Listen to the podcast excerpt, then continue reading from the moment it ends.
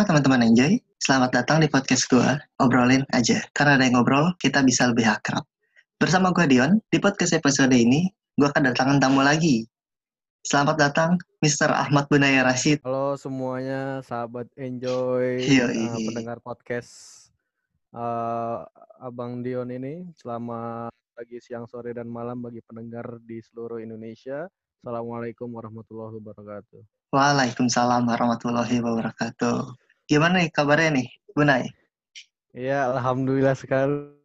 Eh, untuk informasi buat teman-teman yang dengerin podcast ini, ini udah udah retake yang kedua kali ya karena yang pertama itu uh, ada gangguan teknis ya kan. Iya, benar sekali. Suara kita rada-rada ini nggak kedengeran, jadi kita retake Iya. lagi. Siap. Oke, langsung aja ya kita nih. eh, ini di ini kita recording di tanggal 8, yaitu pas di hari ketika mahasiswa pada turun ke jalan. Iya, Kak. Iya, betul sekali. Hari Kamis ya kan. Iya, siap. Teman-teman kita lagi berjuang di sana, dan saya ketinggalan. Ketinggalan bis. Bener ketinggalan bis apa gimana ini? Iya, tadi aku mau ikut. Sebetulnya jam 9. Oh Tapi- gitu. Iya. Jam 9 udah jalan. Gue bangunnya kesiangan. Kebiasaan emang. Iya, emang. Gue udah niat banget padahal. Tidurnya, padahal gue tidur udah sore loh. Udah nggak malam gitu. Tetap aja. Iya. Emang udah habitatnya beda sih gimana? ya? Habit ya. Oke, siap-siap. Oke, karena eh, di sana teman-teman bersuara dan kami di sini eh, hanya bisa mendoa, mendoakan mereka. Jadi kami di sini cuma ingin nih membahas tentang yang lagi viral yang lagi viral-viralnya yaitu Undang-Undang Cipta Kerja. Tuh, tanda berat sebetulnya, Ya. tapi ini kita bahas santai karena ini cuma pandangan kita aja berdua, pandangan seorang Ya. mahasiswa saja. Dan kami ini Iya. bukan dari mahasiswa politik atau hukum, tidak bukan. Kami dari mahasiswa biasa ya. iya, kita mau mahasiswa biasa aja lah, kupu-kupu, kuliah pulang, kuliah Iya. pulang. Oke, Eh, gue langsung gue langsung aja nih bertanya ya, Ibun ya.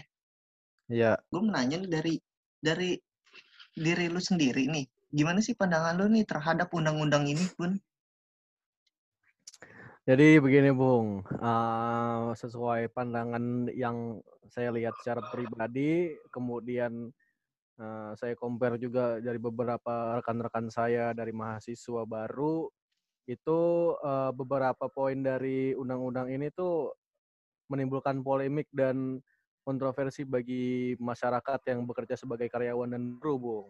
Eh, sama yang mempunyai eh, satu perusahaan besar atau satu perusahaan yang mempunyai beberapa eh, karyawan karena keputusan yang diambil dari Dewan Perwakilan Rakyat ini dan pemerintah tentunya eh, itu keputusan yang cukup terburu-buru karena tidak memperhatikan kepada siapa eh, undang-undang ini dibuat, kepada siapa pe- keuntungan ini didapatkan, eh, serta eh, Ya. yang sangat disayangkan sekali adalah keputusannya ini eh, untung bagi beberapa pihak saja, beberapa pihak yang diprioritaskan oleh pemerintah seperti itu, Bu.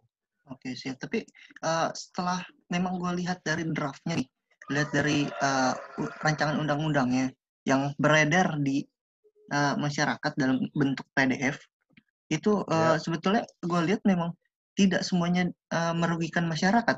Ada beberapa memang eh, beberapa poin yang yang tidak merugikan masyarakat, tapi tidak mungkin tidak ter-up atau memang yang ke-up ke publik itu memang cuma yang bermasalah aja nih kontroversial, kontroversial.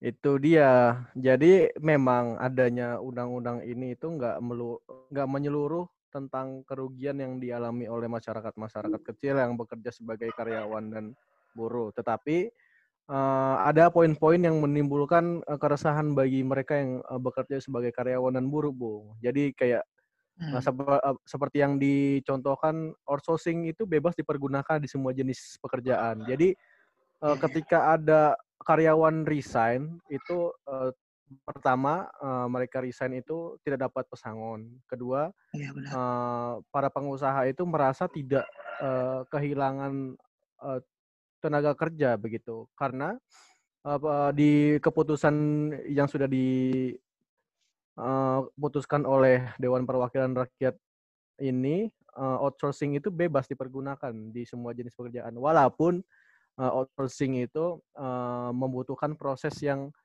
uh, panjang seperti proses administrasi perizinan segala macam ke uh, lembaga ketenaga kerjaan seperti itu bu. Oh, oke okay, oke. Okay. Tapi saudara sendiri nih, saudara jadinya gue ya kan.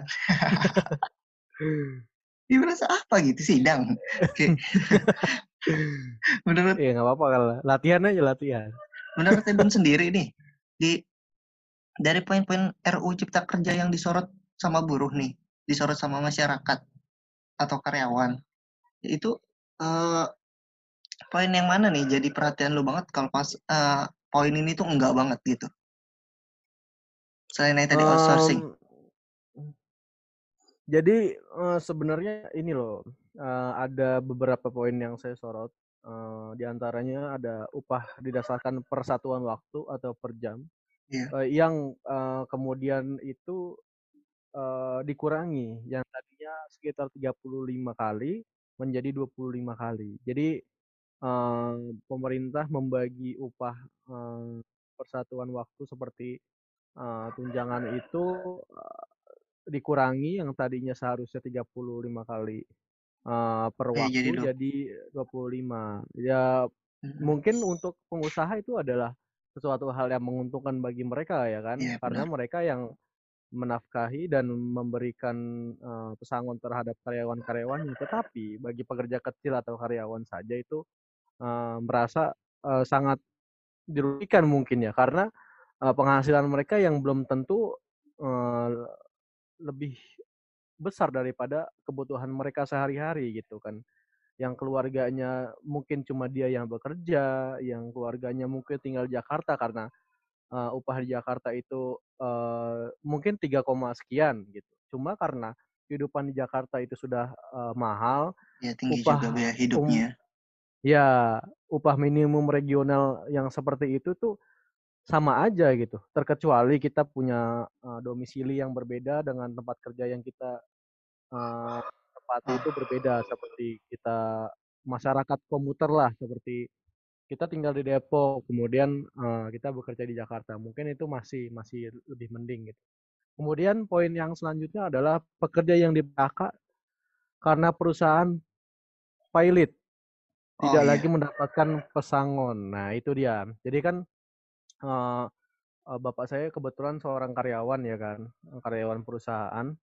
Uh, waktu itu ada salah satu perusahaan saham yang nggak kolaps, cuma uh, harus mengharuskan untuk mem-PHK beberapa karyawan, beberapa cukup besar uh, karyawan yang kena PHK itu dan yang alhamdulillahnya waktu itu masih ada uh, pesangon bagi yang terkena PHK uh, dari jumlah uh, gaji yang diterima gitu. Jadi uh, mereka yang uh, terkena PHK itu uh, masih bisa membangun usaha kecil-kecilan, kemudian mencoba untuk uh, meregistrasi ke pekerjaan yang baru, untuk menjadi karyawan baru, kemudian ya untuk dimanfaatkan uang uh, pesangon uh, akibat PHK tersebut.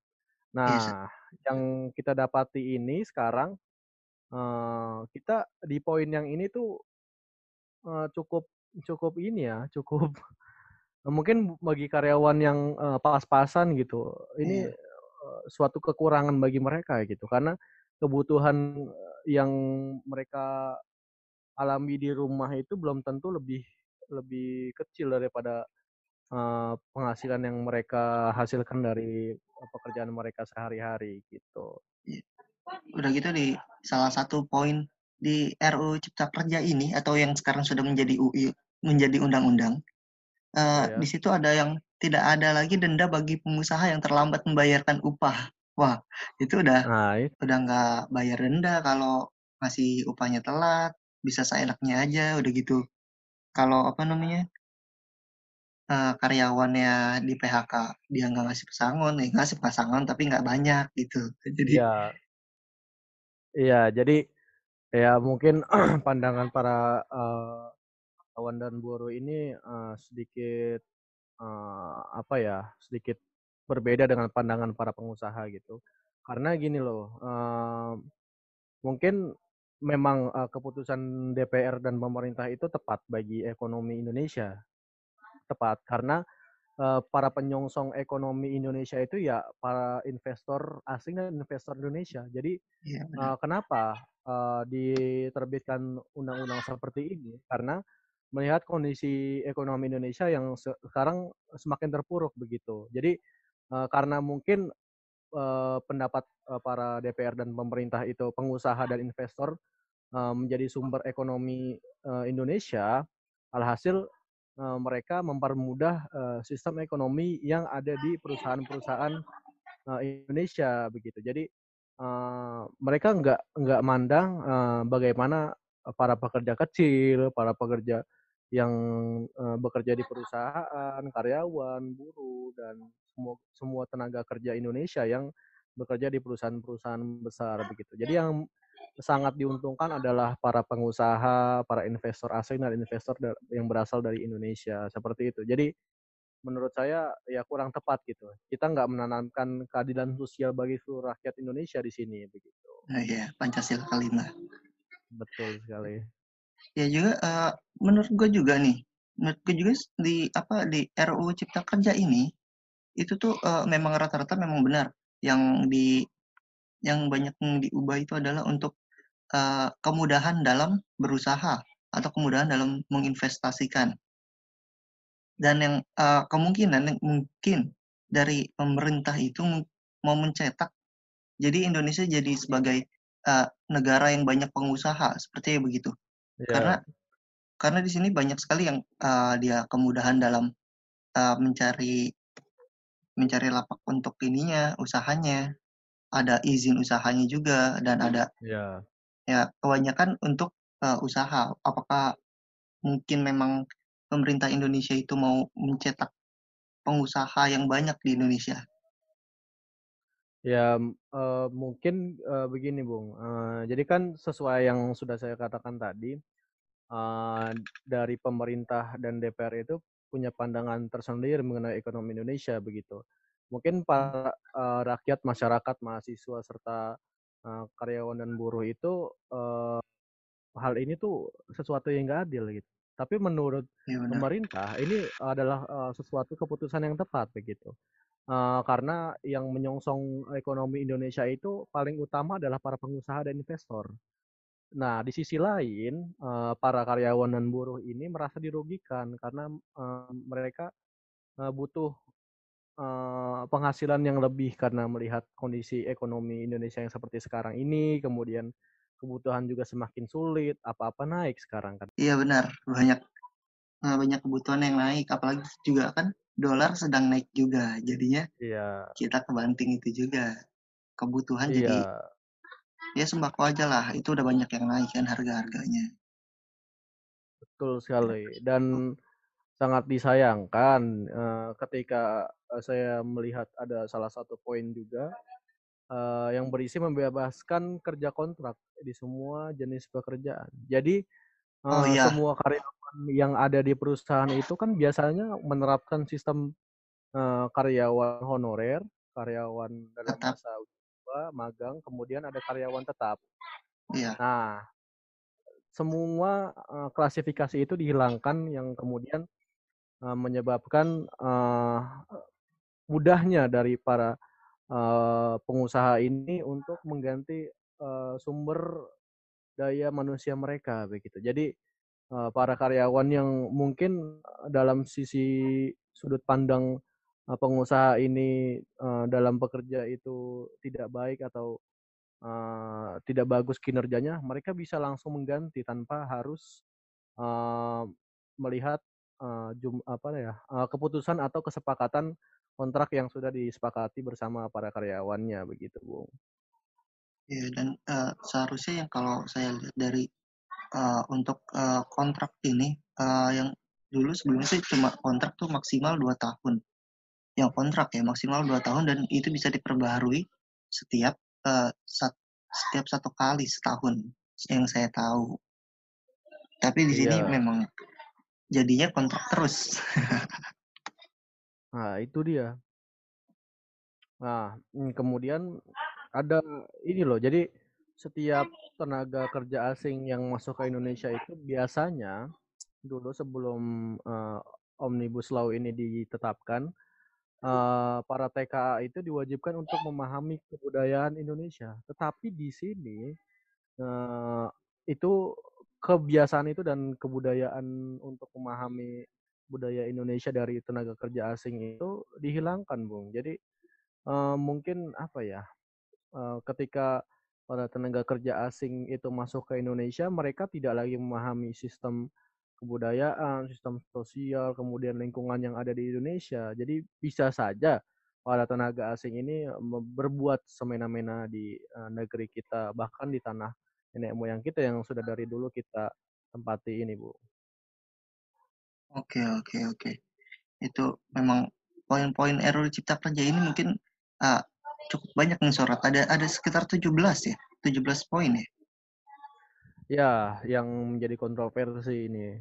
Iya, yang uh, yang benar-benar tidak. Tapi ya, ya uh, tapi sayangnya ini ada beberapa yang masyarakat uh, mungkin membuat keputusan yang uh, terlalu cepat dan terlalu terburu-buru, keburu panas melihat isi dari uh, RUU ini yang menjadi UU sekarang ini.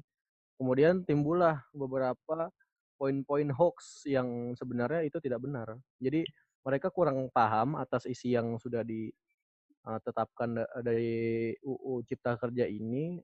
Kemudian mereka karena merasa panas atas keputusan yang dibuat oleh DPR.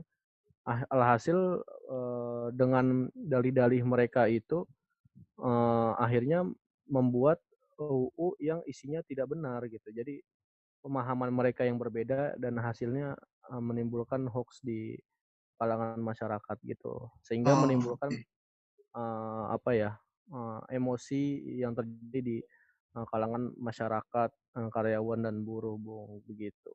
Oh iya, contoh, bisa dikasih contohnya, Bun, untuk poin-poin ya, yang hoaxnya. Seperti uh, poster yang saya dapatkan ini, uh, saya juga uh, kurang yakin ya karena Nah, ini tuh kayak buatnya asal-asalan gitu. Jadi uh, di sini tulisannya draft omnibus law cipta kerja merugikan kaum buruh. Satu hilangnya upah minimum. Sebenarnya upah minimum itu nggak hilang, cuma dikurangi aja. Uh, karena udah diatur di dalam undang-undang gitu. Kalau yang pengen baca ada uh, PDF-nya semuanya dikirimin kan. Mungkin uh, kalian udah pada baca juga sebagian gitu. Saya males terangin lagi. Iya, karena banyak juga ya. Iya, banyak banget itu. Jadi uh, isinya kompleks. Uh, hanya iya, beberapa poin saja yang menimbulkan uh, kontroversi gitu kan. Uh, kalau saya terangin lagi ya itu mungkin waktu di zoomnya ini nggak nggak cukup juga gitu kan. Kemudian okay. yang kedua itu ada hilangnya pesangon gitu. Sebenarnya nggak hilang, sama seperti tadi, hanya dikurangi aja gitu. Terus ada outsourcing seumur hidup. Jadi uh, seakan ini outsourcing ini didapatkan dari negara asing, kemudian datang ke Indonesia itu dengan uh, jalan yang dipermudah gitu. Jadi sebenarnya nggak seperti itu. Uh, mereka itu juga melalui tahap uh, administrasi, tahap perizinan, visa semuanya itu tetap ada, hanya dipermudah saja. Yaitu mungkin salah satu contohnya ya, salah, salah tiga, Pak. salah tiga contoh. Iya, iya. Oke, itu itu aja mungkin. Oke, uh, teman-teman enjoy. Ini buat santai sejenak nih. Untuk santai sejenak, gue bakalan putar satu lagu yang mungkin mewakili podcast ini dan mungkin mewakili dari suara rakyat juga. Karena perwakilan-perwakilan kita di sana sepertinya sedang pura-pura lupa terhadap kami yang ada di sini.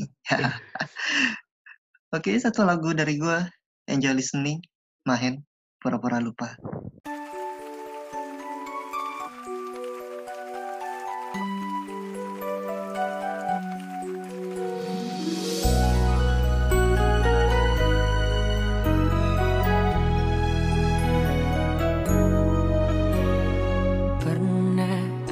Jatuh hati padamu sepenuh hati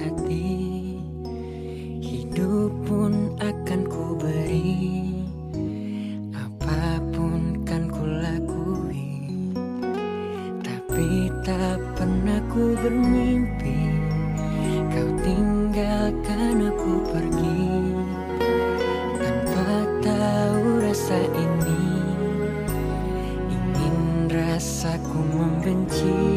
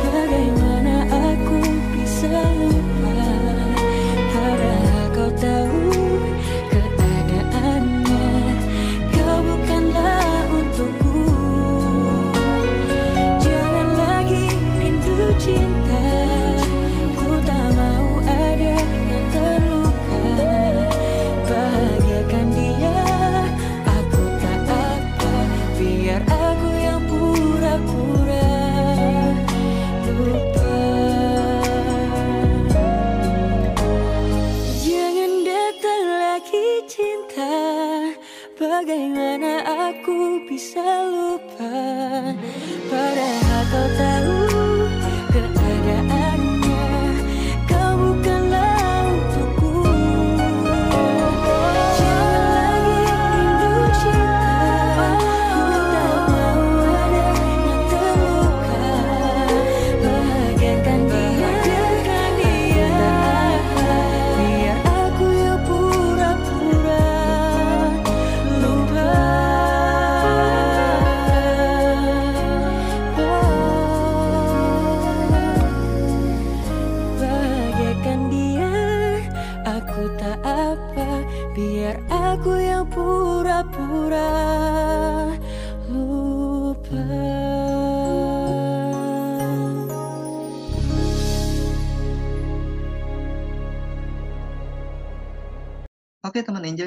Tadi satu lagu dari gua mungkin mewakili tema podcast ini juga dan mungkin mewakili dari kalian juga.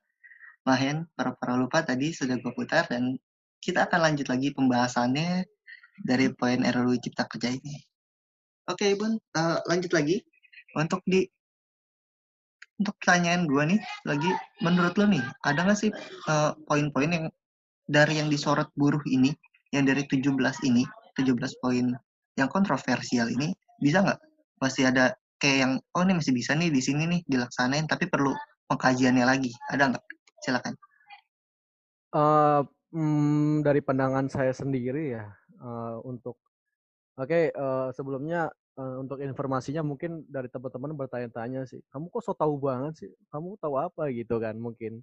Jadi eh, saya dulu eh, jadi kita sekolah itu di SMA nggak melulu soal pelajaran eh, sejarah kebudayaan ya jadi kan kebetulan saya juga anak sosial anak ilmu pengetahuan sosial yang harus mengetahui kondisi politik Indonesia dari sejak dahulu sampai sekarang dan ini adalah salah satu ketertarikan saya kepada politik gitu. Jadi se- semua permasalahan yang ada di Indonesia ini sudah nggak semua sih beberapa permasalahan yang ada di Indonesia ini yang khususnya permasalahan yang besar ya kontroversial sehingga menimbulkan tragedi-tragedi itu sudah kita pelaja- pelajari gitu. Jadi mungkin saya kuliah di jurusan desain komunikasi visual, tetapi nggak menghilangkan rasa sosial saya, kemudian rasa politik, peduli politik saya ke pada kepada bangsa ini gitu. Karena cita-cita Indonesia dari dulu adalah reformasi, revolusi gitu kan.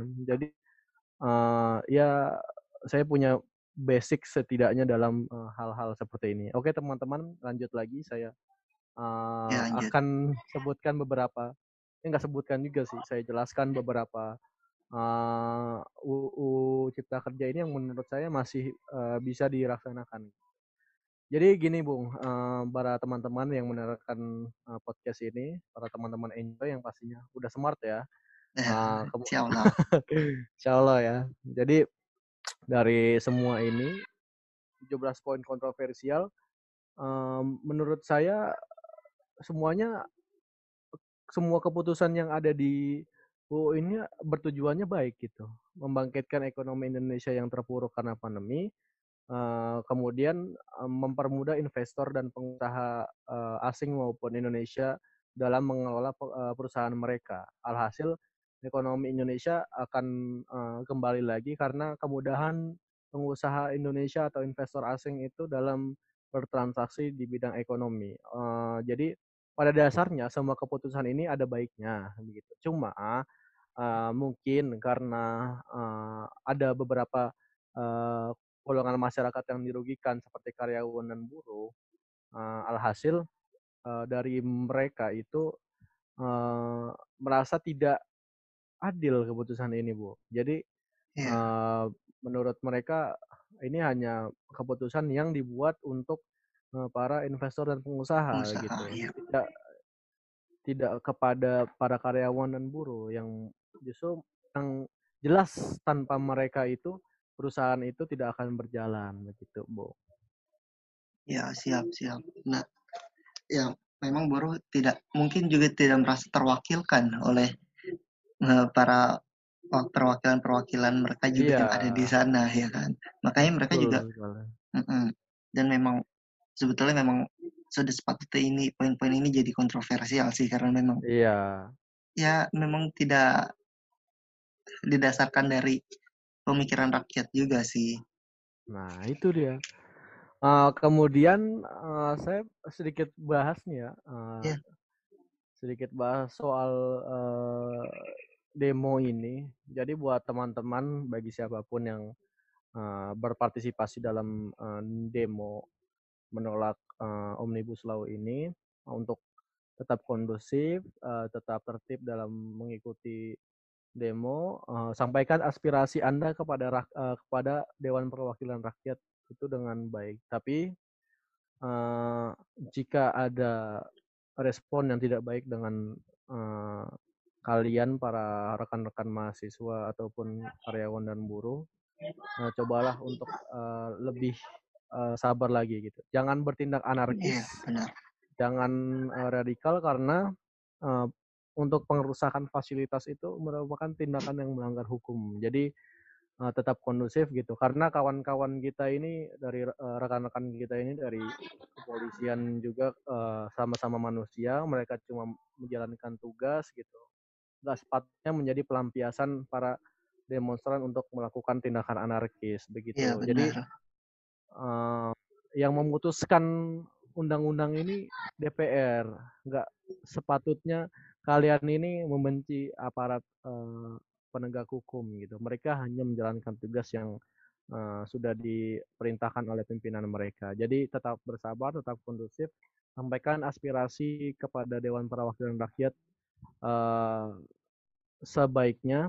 Eh, jadi jangan ada yang anarkis intinya. Jadi pengerusakan fasilitas itu merupakan tindakan yang buruk dalam suatu penyampaian aspirasi. Seperti itu, Bung. Ya.